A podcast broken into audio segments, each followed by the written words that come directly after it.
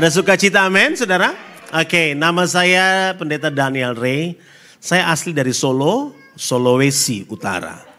Ya, Sulawesi Utara, istri saya dari NTT, Pulau Rote lebih tepatnya. Uh, kami melayani Tuhan di GB Rock Ministry. 2007 kami diutus dari lembah pujian untuk church planting beberapa tempat. Sampai kemudian saya ada di Jakarta hari ini. Saya punya anak dua. Anak saya yang paling besar oleh anugerah Tuhan bila Tuhan izinkan tahun ini wisuda. Ya, uh, jurusan psikologi di Atma Jaya. Perempuan cantik seperti maminya. Yang nomor dua itu Tole, laki-laki. Ya, uh, SMA. Ya, ganteng seperti papinya. Haleluya. Saudara tidak setuju tidak apa-apa? Karena itu anak saya. Haleluya. Amin. I feel at home ya. Uh, saya percaya kita semua uh, dibesertai dan diberkati Tuhan. Saya diberi tema Eloi Eloi lama sabachthani. Ya, Eli Eli lama sabachthani ini mungkin ini adalah tema yang bisa dikatakan di zaman sekarang jarang sekali orang membahasnya.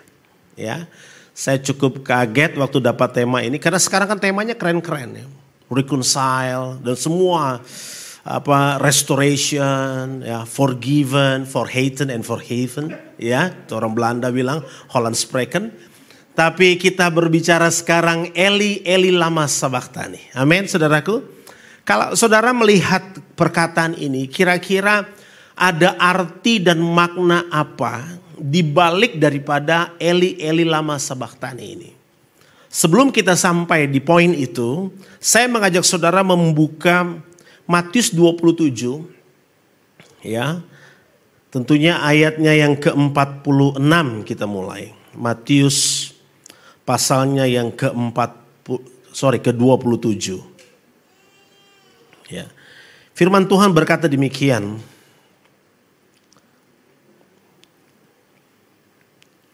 Sebentar. Ayat 45 mulai. Mulai dari jam 12 Kegelapan meliputi seluruh daerah itu sampai jam 3. Kira-kira jam 3 berserulah Yesus dengan suara nyaring. Eli, Eli, lama sabaktani. Artinya, Allahku, Allahku, mengapa engkau meninggalkan aku? Mendengar itu, beberapa orang yang berdiri di situ berkata, ia memanggil Elia.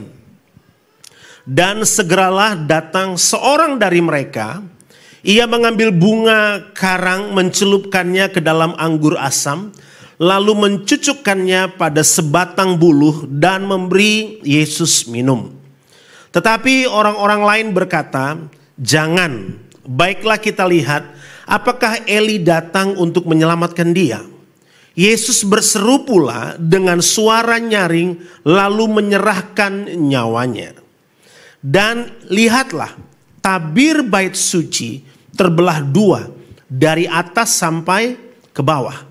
Dan terjadilah gempa bumi dan bukit-bukit batu terbelah. Dan kuburan-kuburan terbuka. Dan banyak orang kudus yang telah meninggal bangkit. Dan sesudah kebangkitan Yesus, mereka pun keluar dari kubur, lalu masuk ke kota kudus dan menampakkan diri kepada banyak orang kepada pasukan dan prajurit-prajuritnya yang menjaga Yesus menjadi sangat takut ketika mereka melihat gempa bumi dan apa yang telah terjadi lalu berkata, "Sungguh ia ini adalah anak Allah." Dan ada di situ banyak perempuan yang melihat dari jauh, yaitu perempuan-perempuan yang mengikuti Yesus dari Galilea untuk melayani Dia. Di antara mereka terdapat Maria Magdalena dan Maria ibu Yakobus dan Yusuf dan ibu anak-anak Zebedeus. Dari pembacaan ini saya ingin mencoba membagi tiga bagian saja.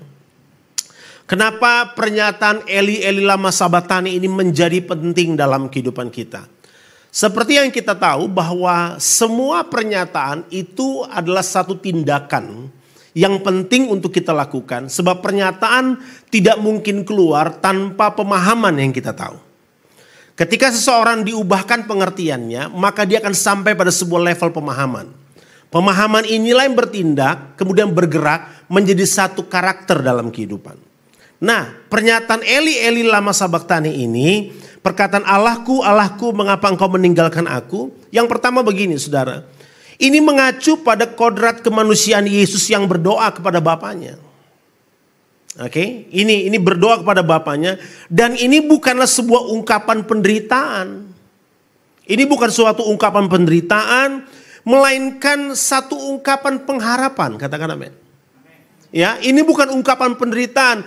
Dia berkata Eli Eli lama sabaktani bukan karena dia berdosa. Bukan karena dia penuh dengan dosa sehingga dia layak dihukum, kemudian Bapak meninggalkan dia. Bukan di situ poinnya Bapak Ibu Saudara. Yesus yang berdoa kepada Bapaknya ini bukan ungkapan penderitaan, tetapi merupakan satu ungkapan pengharapan. Karena apa? Semua ini di dalam Yesus bukan karena dia perlu dosa, melainkan ini dia. Dia menanggungnya demi menggantikan saya dan saudara. Boleh saya katakan demikian, bahwa Yesus, misi Yesus datang ke muka bumi cuma satu.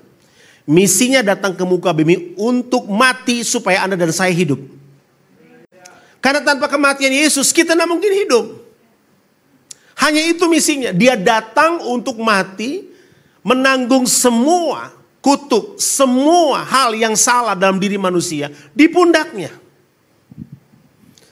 Dan dia harus melewati perjalanan itu, dia harus ada di dalam journey itu. Dan kalau hari ini kita ada, bukan karena kekuatan kita. Bukan karena siapa kita dan mampu dan hebatnya kita Bapak Ibu Saudara. Tapi semua karena kasih karunia Tuhan.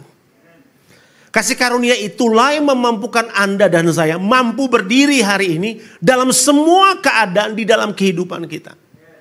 Makanya waktu dia berkata, Eli, Eli lama sabaktani, kenapa engkau meninggalkan aku? Bukan pengertian bahwa Tuhan tidak mendengar dia. Tetapi ini adalah satu ungkapan kemanusiaannya. Dia berbicara kepada Bapaknya. Ini satu pernyataan di mana gini, bahwa dia harus menanggung sesuatu yang bukan dia lakukan. Nah dunia hari ini sedang berpikir satu hal, bahwa dia di kayu salib itu karena dosanya, karena kesalahannya. Salib memang berbicara suatu kutukan. Ada orang merasa bahwa salib itu bicara tentang penghukuman dan sesuatu dan segala sesuatunya. Tetapi Yesus mengubah salib menjadi berita kemenangan. Saudara tahu bahwa iblis betul-betul kaget. Dia berpikir bahwa salib adalah sebuah ujung kematian. Iblis berpikir bahwa salib adalah akhir dari segala sesuatunya. Dia salah. Justru salib adalah kemenangan. Amin. Salib adalah kemenangan. Di mana ketika dunia kegelapan berpikir selesai sudah. Udah gak ada lagi tamat riwayatnya. No. Itulah dimulai sebuah kemenangan. Di mana iblis gak pernah tahu bahwa salib adalah satu kemenangan. Waktu dia berkata Eli Eli sama sabak tadi dia siap untuk menanggungnya. Dia siap menanggungnya kenapa? Karena dia mengasihi Anda dan saya. Karena begitu besar kasih Allah akan dunia ini. Haleluya. Kasih Allah akan dunia ini tidak bisa digantikan oleh kemajuan teknologi apa pun. Kasih Allah akan dunia ini akan manusia yang ada di muka bumi ini tidak bisa digantikan oleh kehebatan dunia dan zaman yang sedang bergerak. Izinkan saya berkata bahwa firman Tuhan selalu up to date di dalam segala keadaan. Waktu dia berkata, Eli, Eli lama tani. Dia sedang berseru kepada bapaknya. Karena bapaknya yang mengutus. Saat itu dunia mulai melihat, wow bapaknya mengutus. Dia tidak berseru kepada dunia ini. Dia tidak meminta belas kasihan dari manusia. Dia tidak meminta tolong tolong kasihani saya kepada murid-muridnya. Tidak. Tetapi dia berseru kepada Bapaknya. Haleluya. Hari ini boleh saya berkata, apakah yang kita alami saat ini? Kepada siapa kita berseru?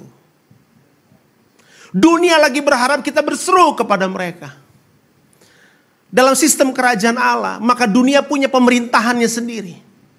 Dunia bergerak dengan apa yang menjadi keinginannya. Tapi tahukah saudara, kita sebagai putra putri kerajaan Allah, sebagai perwakilannya di muka bumi, kita harus berseru kepada raja kita. Bukan kepada dunia ini. Yesus mencontohkan itu, Eli, Eli lama sabatani. Dia berseru kepada Bapaknya, dia nggak berseru pada yang lain. Maka waktu murid-murid bertanya, ajarkan bagaimana kami harus berdoa. Doa yang diajarkan adalah doa Bapa kami. Apa yang dimaksudkan? Supaya para murid sadar bahwa segala sesuatu harus dimulai dari Bapa. Amin. Dunia boleh tawarkan apa saja. Dunia boleh sakiti kita. Dunia boleh menyenangkan kita untuk beberapa saat. Tapi semua harus kembali kepada Bapa. Maka dia bilang, Eli, Eli lama sabaktani. Sekalipun dia mengalami sakit secara manusia. Ya kan? Film dari Mel Gibson kelihatannya cukup bagus saudara. Tapi kalau kita pelajari firman Tuhan, sebenarnya lebih parah dari itu. Yesus tempuh jalan itu. Kenapa? Karena Bapa. Hari ini kalau kita, firman Tuhan berkata, kalau kita menderita di bumi ini karena nama Yesus. Kalau kita menderita karena kita sebagai Kristen, bersukacitalah dan bermegah di dalam dia. Kenapa? Karena kita berasal dari dia. Haleluya Bapak Ibu Saudara. Ini jadi penting bagian pertama ini. Bahwa dia menanggung sesuatu yang tidak dia lakukan. Tapi dia rela menanggungnya karena kecintaannya pada ciptaannya. Saudara, kejadian 1 ayat 26 bilang gini, dalam keserupaan kita dengan Tuhan. Saya mau beritahu Allah dengan manusia, saya mau beritahu buat saudara bahwa kita diinginkan oleh Tuhan untuk memerintah bersama-sama dengan dia. Dalam apa? Rupa dan gambar. Zelem dan demut. Kalau kita bicara rupa dan gambar, satu aja sebenarnya. Apa yang Tuhan mau dalam dalam rupa dan gambar itu? Sederhana. Waktu Tuhan menciptakan kita dalam rupa dan gambar itu, Tuhan mau kita menjadi serupa dengan Dia.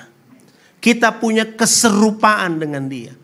Berita yang jarang dibahas orang adalah tentang keserupaan. Waktu Yesus berkata itu, dia lagi mau ajar buat dunia ini, miliki keserupaan dalam penderitaan bersama dengan dia. Amin. Tidak ada di antara kita yang pikul salib seperti di zaman itu. Tapi Anda dan saya harus pikul salib tiap hari dalam kedagingan kita. Karena apa? Karena Tuhan mau kita punya keserupaan dengan dia. Imago Dei. Dalam rupa dan gambar. Anda dan saya adalah makhluk gambar saudara. Amin. Kita adalah makhluk gambar. Coba kita merokok kita bilang sama anak kita, nak jangan merokok. Dia nggak akan ikutin. Kenapa? Yang dia lihat bapaknya masih merokok. Dia tidak melihat, dia dia tidak mendengar yang dikatakan, dia mendengar yang dia lihat. Sudah tahu kenapa? Manusia makhluk gambar. Waktu Yesus berkata, Eli, Eli, lama sabaktani. Dia sedang kasih visual kepada dunia. Dalam keadaan seperti itu kemanusiaannya dia tidak lari ke tempat lain, hanya kepada Bapa. Amin. Hanya kepada Bapa. Wow, saudara, memang pasca harusnya lebih meriah dari Natal. Ya, karena ini berita kematian dan kebangkitan. Ini bicara tentang bagaimana manusia berharga di mata Tuhan dia rela menempuh perjalanan yang begitu panjang dan jauh dari sorga ke bumi. Hanya demi kita. Amin saudaraku. Dan dia cuma bilang, aku rela menanggung semuanya. Supaya kamu punya keserupaan. Karena blueprint sorga atas manusia sederhana. Berkuasa. Tapi berkuasa tanpa karakter nggak bisa. Karakter ini harus disertai dengan keserupaan. Bicara keserupaan ada keintiman di dalamnya. Begini loh surat terminologinya. Pengenalan itu melahirkan keintiman. Orang tidak mungkin bisa intim tanpa mengenal. Oke? Okay? Penyembahan itu dimulai dari pengenalan. Makanya kalau kita fokus bertumbuh sebagai anak Tuhan, fokuslah dalam mengenal Tuhan. Ketika kita mengenal dalam semua keadaan yang baik mungkin mudah. Tapi saudara bisa tetap berseru sekalipun tidak enak. Saudara tetap bisa berusaha untuk mengenal Tuhan. Itu dahsyat dan powerful. Karena hanya karena pengenalanlah kita kuat hari ini. Amin. Haleluya. Dunia boleh berubah saudara. Semua boleh berubah. Firman Tuhan tinggal tetap. Apa yang membuat kita kuat sampai hari ini? Apa yang membuat kita tetap bertahan sebagai anak Tuhan di bangsa ini? Digoncang sana sini. Cuman satu, pengenalan. Haleluya. Karena pengenalan melahirkan keintiman. Wow, penyembahan itu bahasa orang dewasa, saudara. Ya kan? Saya tidak mungkin bisa intim dengan pasangan saya kalau saya tidak kenal. Kalau saya sampai intim tanpa mengenal, itu perselingkuhan.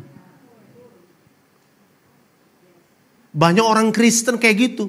Suka nyanyi dalam keadaan enak, tapi tengah mau mengenal Tuhan. Itu selingkuh rohani, itu bahaya itu. Jadi pengenalan melahirkan keintiman, Keintiman melahirkan apa? Keserupaan. Semua dasarnya, ini terminologinya. Setelah kita mengalami keserupaan, maka yang paling akhir adalah memerintah. Ini bicara kedewasaan penuh, ini levelnya. Ketika saudara menyadari terminologi ini sederhana banget. Saya tidak akan bisa memerintah atas kedagingan saya. Saya tidak akan bisa memerintah diri saya untuk fokus kepada Bapa kalau saya tidak mengenal. Yesus membuktikan pengenalannya kepada Bapa. Halo. Sampai dia berani berkata, Eli, Eli lama sabaktani. Saudara jangan lihat ini sebagai perkataan jeritan, sebagai perkataan yang menyedihkan. No, kalau ini mau dibilang jeritan, ini adalah doa. Amin. Doa, doa itu bukan apa yang saya ucapkan. Doa itu bukan apa yang saya minta, saya dapat. Doa itu adalah apa yang saya lakukan seturut dengan kehendak Tuhan. Kalaupun yang saya minta tidak tidak saya dapatkan, tapi kalau itu kehendak Tuhan, itulah doa. Bukan apa yang kita mau, tapi apa yang Tuhan mau melalui Anda dan saya. Makanya dia bilang begini, waktu di Getsemani, kalau boleh Tuhan, lalu cawan ini. Betul saudara? Tapi bukan kehendakku yang jadi. Kehendak dia lagi mau bilang buat dunia sekali lagi, yuk kenali Tuhanmu. Haleluya. Ketika dunia berkata salib itu berita yang tidak baik, tapi bagi kerajaan Allah salib itu kemenangan. Poin yang kedua dari Eli-Eli lama sabatani ini adalah kalau yang pertama tadi adalah ini nyanyian pengharapan saya sebut. Yang pertama tadi.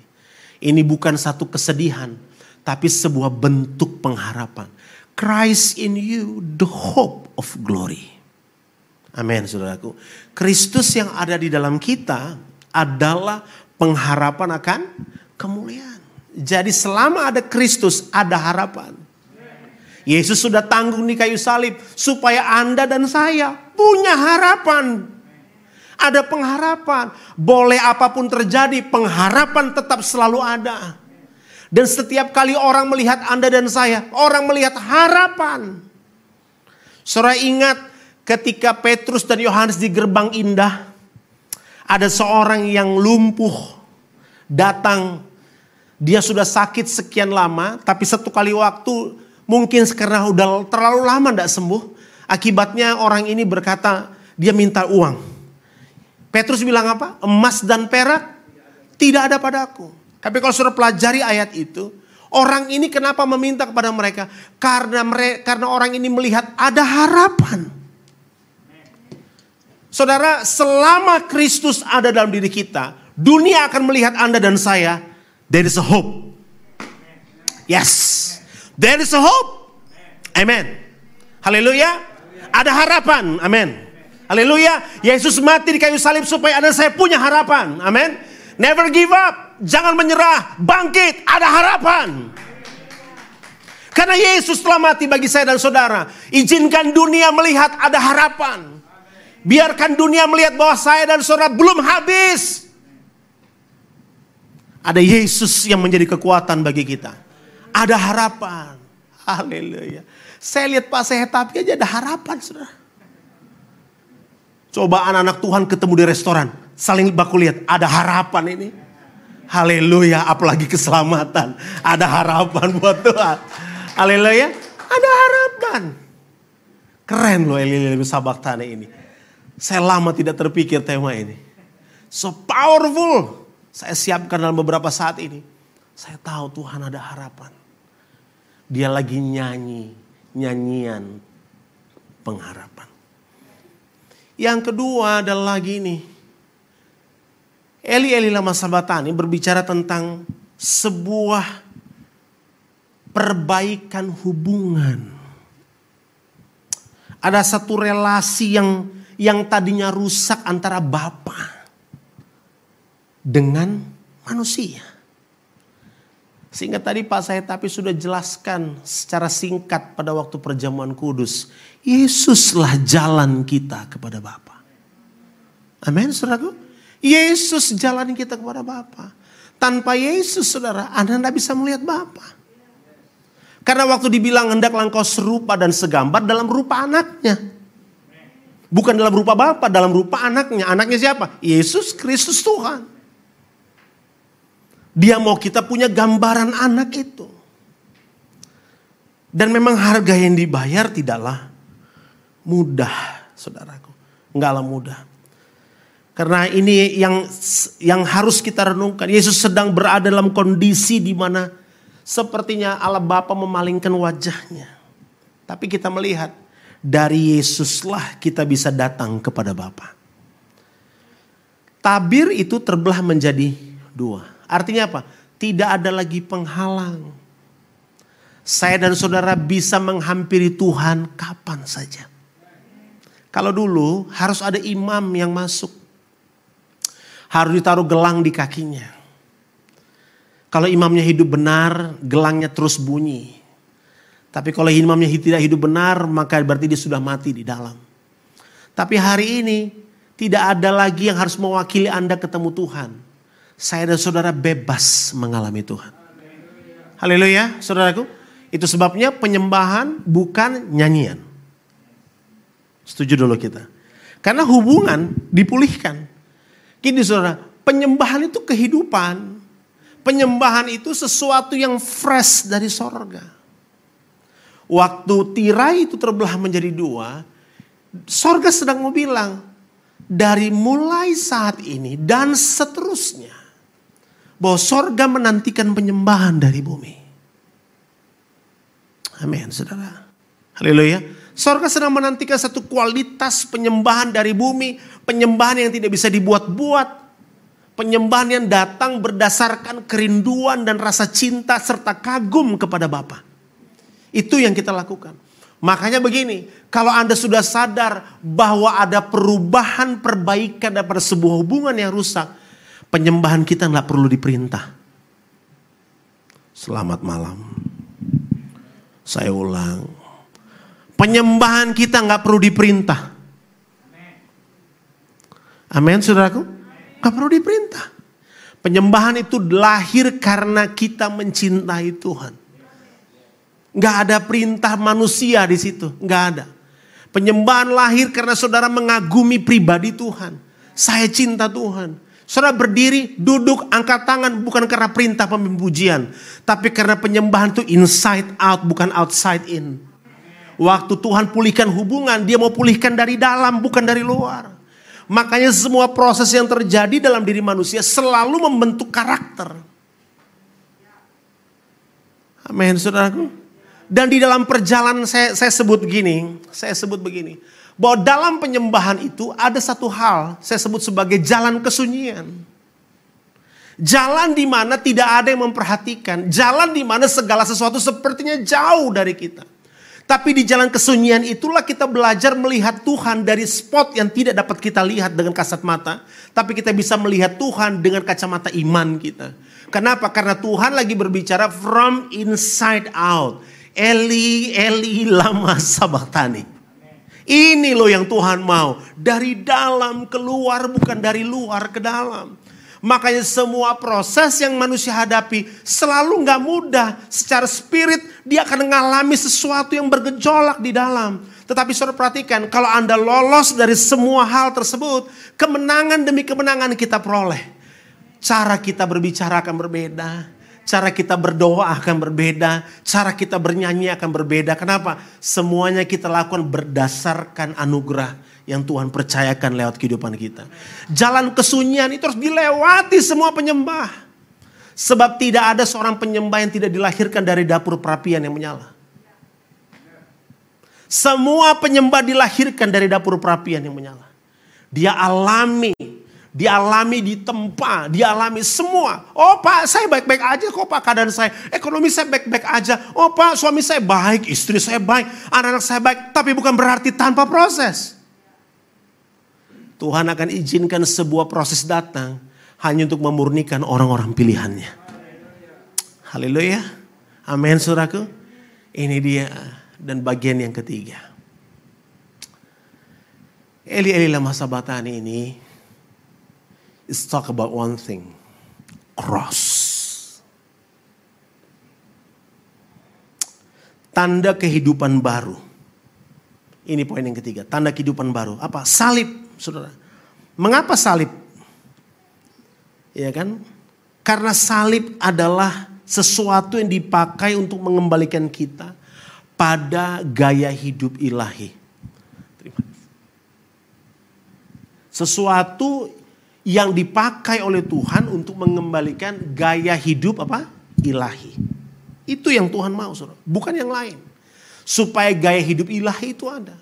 Nah, untuk punya gaya hidup ilahi ini perlu lewat salib.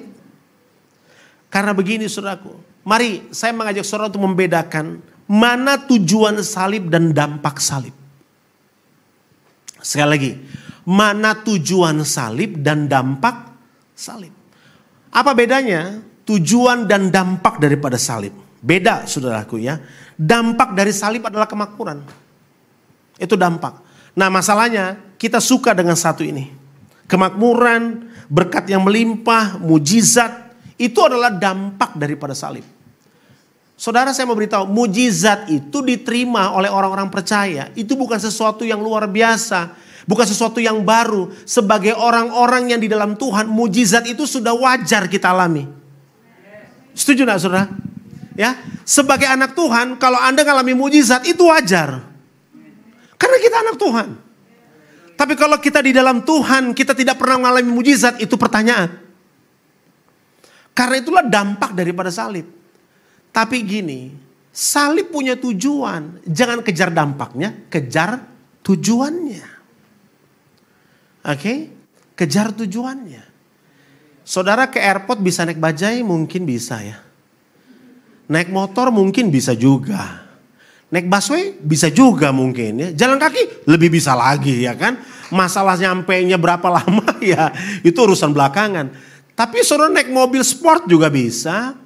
Naik mobil city car juga bisa. SUV, MPV bisa. Ya bisa juga, semuanya bisa, nih traktor juga bisa. Ya bisa. Tapi tahukah saudara ada banyak orang ribut, kalau saya ke naik apa? Seharusnya kita fokus pada tujuannya daripada dengan apa untuk sampai di situ. Saudara bisa dengan cara apa pun sampai di airport. Tapi saudara mau pakai mobil sport kalau di tengah jalan ban pecah nggak nyampe tujuan. Tuhan mau saudara fokus pada Kristus yang menjadi tujuan kita. Gini loh saudara. Ini yang ini yang menjadi satu perenungan kita bersama. Apa tujuan salib? Tujuan Yesus mati di kayu salib cuma satu. Begini, yang pertama ini dia. Untuk mengembalikan gaya hidup Tuhan. Kita ini godly person. Untuk mengembalikan gaya hidup Tuhan. Manusia sudah terlalu lama melalang buana. Pergi dari apa yang Tuhan sudah siapkan buat dia. Coba, Tuhan mau jadi raja untuk orang Israel. Tapi orang Israel pilih raja sendiri. Pusat penyembahan mereka berubah. Padahal Yesus yang, padahal Tuhan yang mau jadi raja buat mereka. Tapi mereka menolak. Mereka minta raja sendiri. Berubah semuanya. Mereka penuh persungutan, hidup dengan cara yang tidak tepat. Dan semuanya mereka alami dalam hidup mereka. Makanya salib punya tujuan. Tujuannya adalah untuk mengembalikan gaya hidup Tuhan. Demi apa? Menghancurkan segala keakuan dan memberantas semua produk kerajaan kegelapan. Itu tujuan salib. Ada iklan gini kan, cintailah produk-produk dalam negeri. Itu. Saudara, kenapa kenapa iblis tidak bisa masuk dalam diri kita? Saudara tahu kenapa? Karena dia tidak menemukan produknya di dalam. Wow. Saya ulangi. Karena dia tidak menemukan produknya di dalam. Gak ada. Kenapa ada orang rajin ke gereja beribadah, culas jalan terus? Ya, tidak bisa mengampuni tetap jalan. Medit mekiti tetap jalan juga. Ya, karena mungkin waktu dibaptis dompetnya tidak ikut. Kenapa saudara? Sederhana, karena produk kegelapan masih ada di dalam.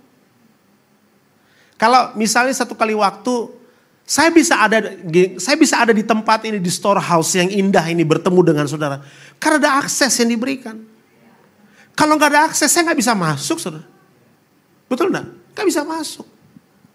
Pertanyaan begini, bagaimana kuasa Allah bekerja dalam diri kita? Karena aksesnya ada di dalam. Dan kita menutup akses yang lain yang bisa menghancurkannya. Berita salib sedang mau bilang begini buat manusia. Tutup semua akses keakuan tutup semua akses produk kegelapan. Supaya hanya kehendak Tuhan yang terjadi lewat kita. Makanya salib Yesus sudah bilang gini, dia mau kembalikan gaya hidup Tuhan dalam diri manusia. Supaya apa? Supaya kita bertindak, bekerja, berpikir, berkata-kata, melangkah seperti yang Tuhan mau. Baru saudara dampak dari salib itu saudara alami. Tapi bukan karena persyaratan, bukan. Karena memang orang di dalam Tuhan dia pasti mengalami favor demi favor. Amin. Salib punya produk gak saudara? Kalau tadi saya katakan cinta produk-produk dalam negeri, salib punya produk manusia baru. Amin. Manusia baru. Yang lama sudah berlalu. Saudara, orang yang berdiri di depan ini oleh anugerah aja. Ini ada mami yang saya panggil dulu waktu saya masih di Bali, toh? Ibu Inge. Ini maminya kita-kita dulu di Bali, toh? Saya mau beritahu buat saudara, kalau bukan karena anugerah saya nggak mungkin bisa jadi hamba Tuhan. Karena apa? Produk kegelapan bahasa Jermannya P banyak sekali. Banyak yang luar biasa. Ya. Tapi hanya karena anugerah Tuhan, saya bisa melayani Tuhan hari ini. Karena apa? Karena kesalib. Saya dapat menjadi manusia baru. Kalau kita tiap minggu dibekali firman Tuhan, bahkan kita melayani Tuhan di tempat ini, kita nggak jadi manusia baru, itu masalah besar. Berarti apa? Dunia ini berhasil menguasai. Masalahnya Tuhan tidak mau dunia menguasai kita. Tapi kerajaan Allah yang menguasai kita. Karena kerajaan Allah berbicara apa? Pemerintahan Tuhan secara menyeluruh atas semua area dalam kehidupan kita. Manusia baru itu produk. Sehingga iblis tidak menemukan produknya dalam diri kita. Manusia baru adalah produk daripada salib. Lingkungan salib dan kehidupan manusia baru tidak bergantung pada berkat. Tapi bergantung pada pertumbuhan rohani.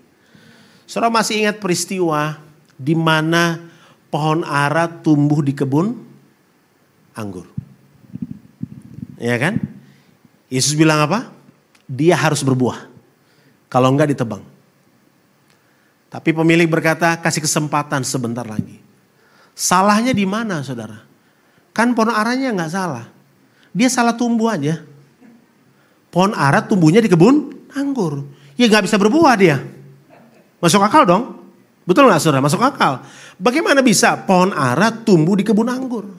Harusnya pohon anggur tumbuh di kebun anggur kalau tidak berbuah dipotong masuk akal. Tapi ini pohon ara tumbuh di kebun anggur. Tapi tahukah saudara? Tuhan nggak mau tahu. selama ada kehidupan engkau harus bertumbuh sekalipun tempat tidak memungkinkan untuk engkau bertumbuh. Wow. Pak, saya susah bertumbuh loh Pak. Karena saya lihat hari-hari ini dunia begini, pandemi, ekonomi, hamba-hamba Tuhan, gereja, bla bla bla bla. Pertumbuhanmu gak ada hubungan dengan mereka. Halo? Pertumbuhanmu gak ada hubungan. Dendong sama saya gak ada. Pertumbuhan saudara hanya urusan saudara dengan Tuhan. Selesai. Pertumbuhan rohani saudara nggak bergantung pada pendetamu. Pertumbuhan rohanimu tidak tergantung pada gembala komselmu. Pertumbuhan rohanimu tidak bergantung pada gembalamu. Pertumbuhan rohanimu bergantung pada hidupmu pribadi dengan Tuhan. Daud bilang begini, aku telah memilih untuk bersama dengan Tuhan. Satu hal telah kuminta, diam di rumah Tuhan seumur hidupku. Dia berkata apa? Satu hal telah kuminta. Artinya apa? Daud sudah putuskan apa pun yang terjadi. Dia sudah minta untuk bersama Tuhan. Mau proses, mau ujian, mau tekanan, mau apa pun dialami. Dia tetap akan bersama dengan Tuhan. Makanya Mazmur 23 dengan begitu jelas berkata. Sekalipun aku lewat lembah kekelaman, aku tidak takut bahaya. Kenapa? Karena cuma lewat. Lo usah mikir terlalu teologis. Ya kan? Tuhan gak pernah punya visi Anda dan saya di lembah kekelaman. Tapi Tuhan izinkan lewat lembah kekelaman. Supaya apa? Supaya manusia tahu mengucap syukur. Supaya manusia ingat kembali gaya hidup salib itu. Tuhan aku diselamatkan supaya aku bisa bisa bersuka cita di dalam engkau. Tapi kadang-kala Tuhan harus izinkan lewati itu. Hanya lewat. Even I walk through the valley of death. Sekalipun aku lewat lembah bayang-bayang kematian. Aku tidak takut bahaya. Karena cuman lewat. Haleluya. Kecuali saudara mau putuskan mau tetap ada di situ. Tapi rencana Tuhan nggak itu. Rancangan damai sejahtera. Eli, Eli, lama sabatani. Gaya hidup salib itu harus ada di kita. Pohon ara tumbuh di kebun anggur. Nggak peduli Saudara ada di sebuah perusahaan yang mungkin bosmu cara kerjanya nggak tepat. Bukan berarti engkau tidak bisa hidup benar di situ. Hidup benar nggak ditentukan oleh bos saudara. Pertumbuhan rohanimu tanggung jawab pribadi. Amin. Saya nggak pernah lihat Yesus baper tuh. Ya kan? Murid-murid nggak mau berjaga-jaga dengan dia, dia juga nggak baper. Dia cuma bilang nggak mau jaga-jaga, ya udah. Ya kan? Kamu nggak mau jaga-jaga, ya udah.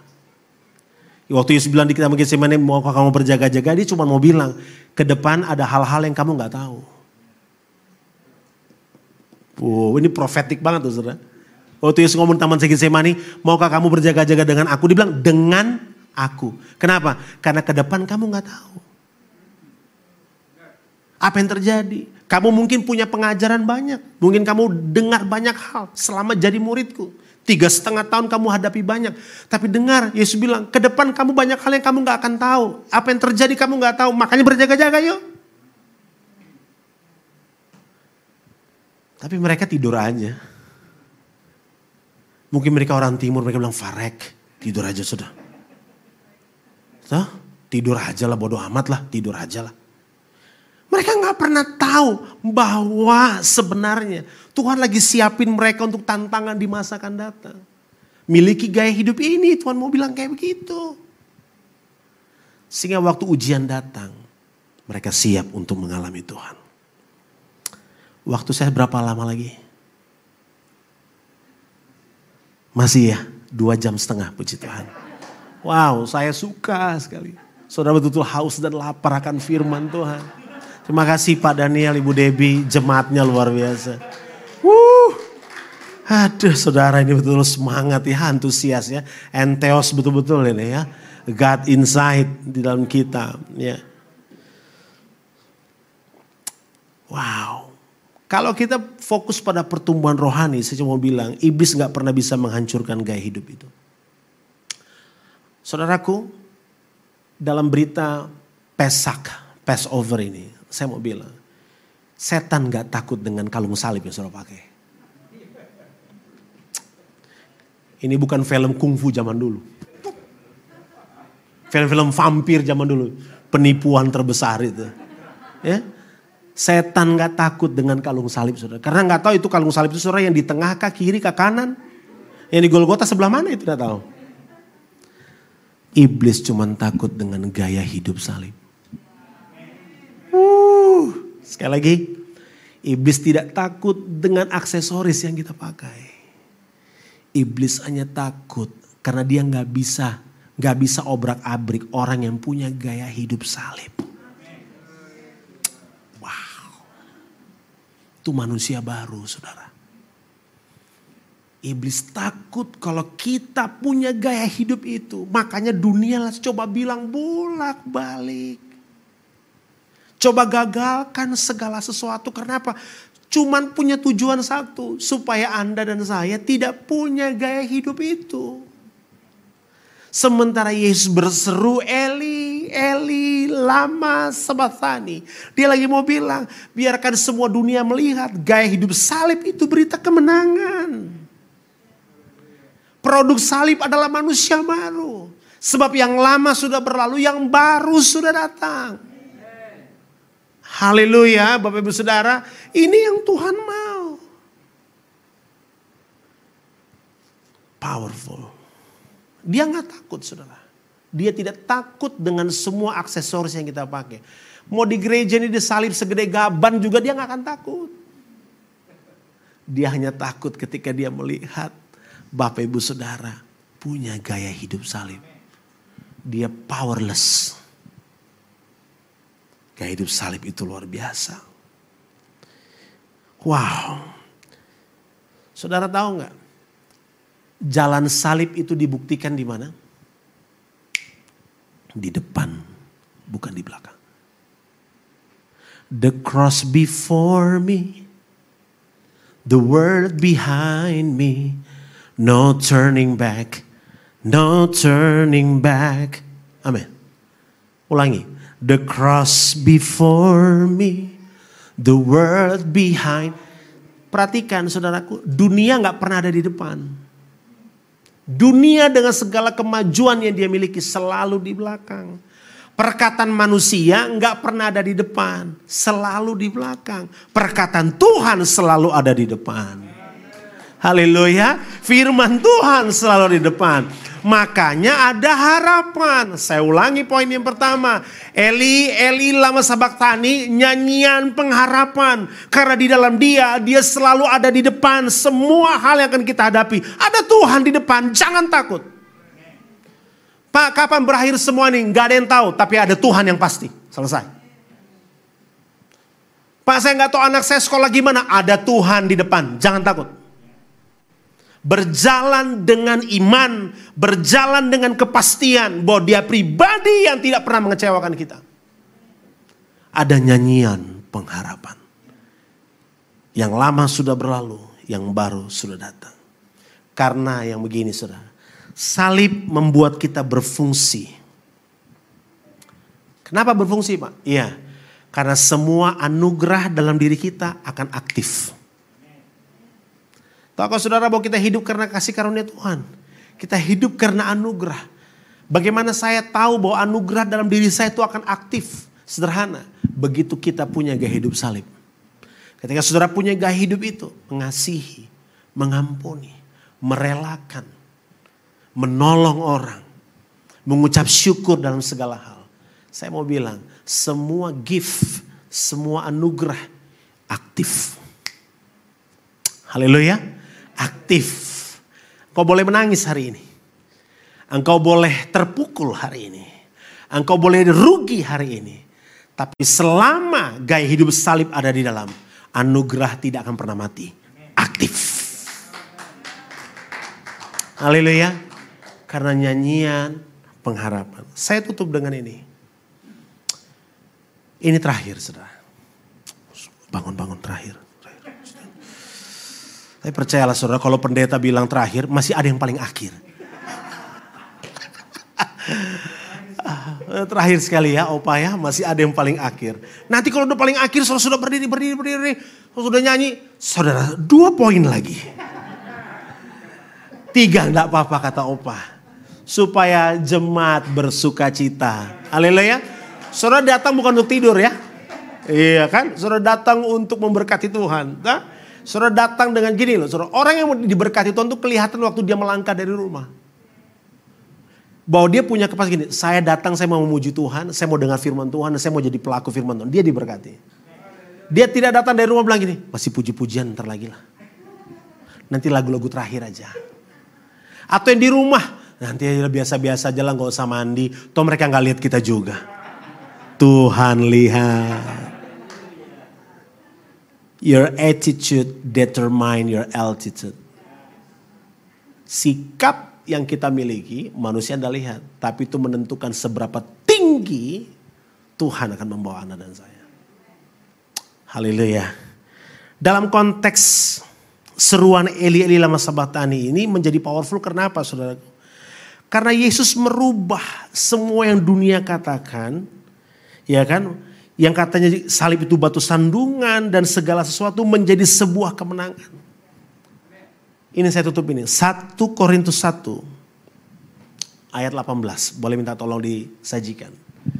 1 Korintus pasalnya yang pertama ayatnya yang ke-18. Sebab pemberitaan saya ajak saya dan saudara untuk ber, membaca secara profetik bersama-sama. Come on. Sebab pemberitaan tentang salib memang adalah kebodohan bagi mereka yang akan binasa tetapi bagi kita yang diselamatkan, pemberitaan itu adalah kekuatan Allah. Amin. Ya, tiga aspek. Yang pertama, Elilil Sabahtani berbicara tentang apa tadi saudaraku? Nyanyian harapan. Yang kedua bicara apa? Hubungan yang dipulihkan. Yang ketiga apa? Gaya hidup salib ada di dalam. Ya, saya kalau baca ini saya selalu Tuhan terima kasih banyak. Sebab pemberitaan tentang salib memang kebodohan. Kenapa kebodohan bagi mereka yang binasa? Karena mereka nggak punya apa? Terminologi tadi, pengenalan. Aneh saudara, masih banyak orang KTP Kristen masih bilang masa sih salib begitu powerful? Sekali lagi, nggak punya pengenalan. Umatku binasa karena apa? Bukan karena ber, berzina, tidak mengenal. Amin. Bahaya terbesar dalam kehidupan manusia adalah begitu dia tidak mengenal. Apabila kamu mengetahui kebenaran, kebenaran itu memerdekakan. Tapi tentunya bukan semua kebenaran. Hanya kebenaran yang kita ketahui itu adalah firman Tuhan, aletheia, truth. Itu yang memerdekakan. Selama kebenaran itu kita ketahui dengan cara yang benar, kebenaran itu akan memerdekakan Anda dan saya. Tetapi bagi kita yang diselamatkan pemberitaan itu. Sebenarnya Tuhan memanggil semua orang. Tuhan yang menyelamatkan semua orang. Tapi tidak semua orang meresponi panggilan Tuhan. Saya dan saudara yang meresponi panggilan itu. Kita akan berkata salib itu adalah kekuatan Allah. Sama-sama katakan Eli, Eli lama sabatani. Eli lama sabatani. Tuhan yang memberikan pengharapan, Tuhan yang memulihkan hubungan. Tuhan juga yang memberikan kita jaminan keselamatan dan punya gaya hidup salib.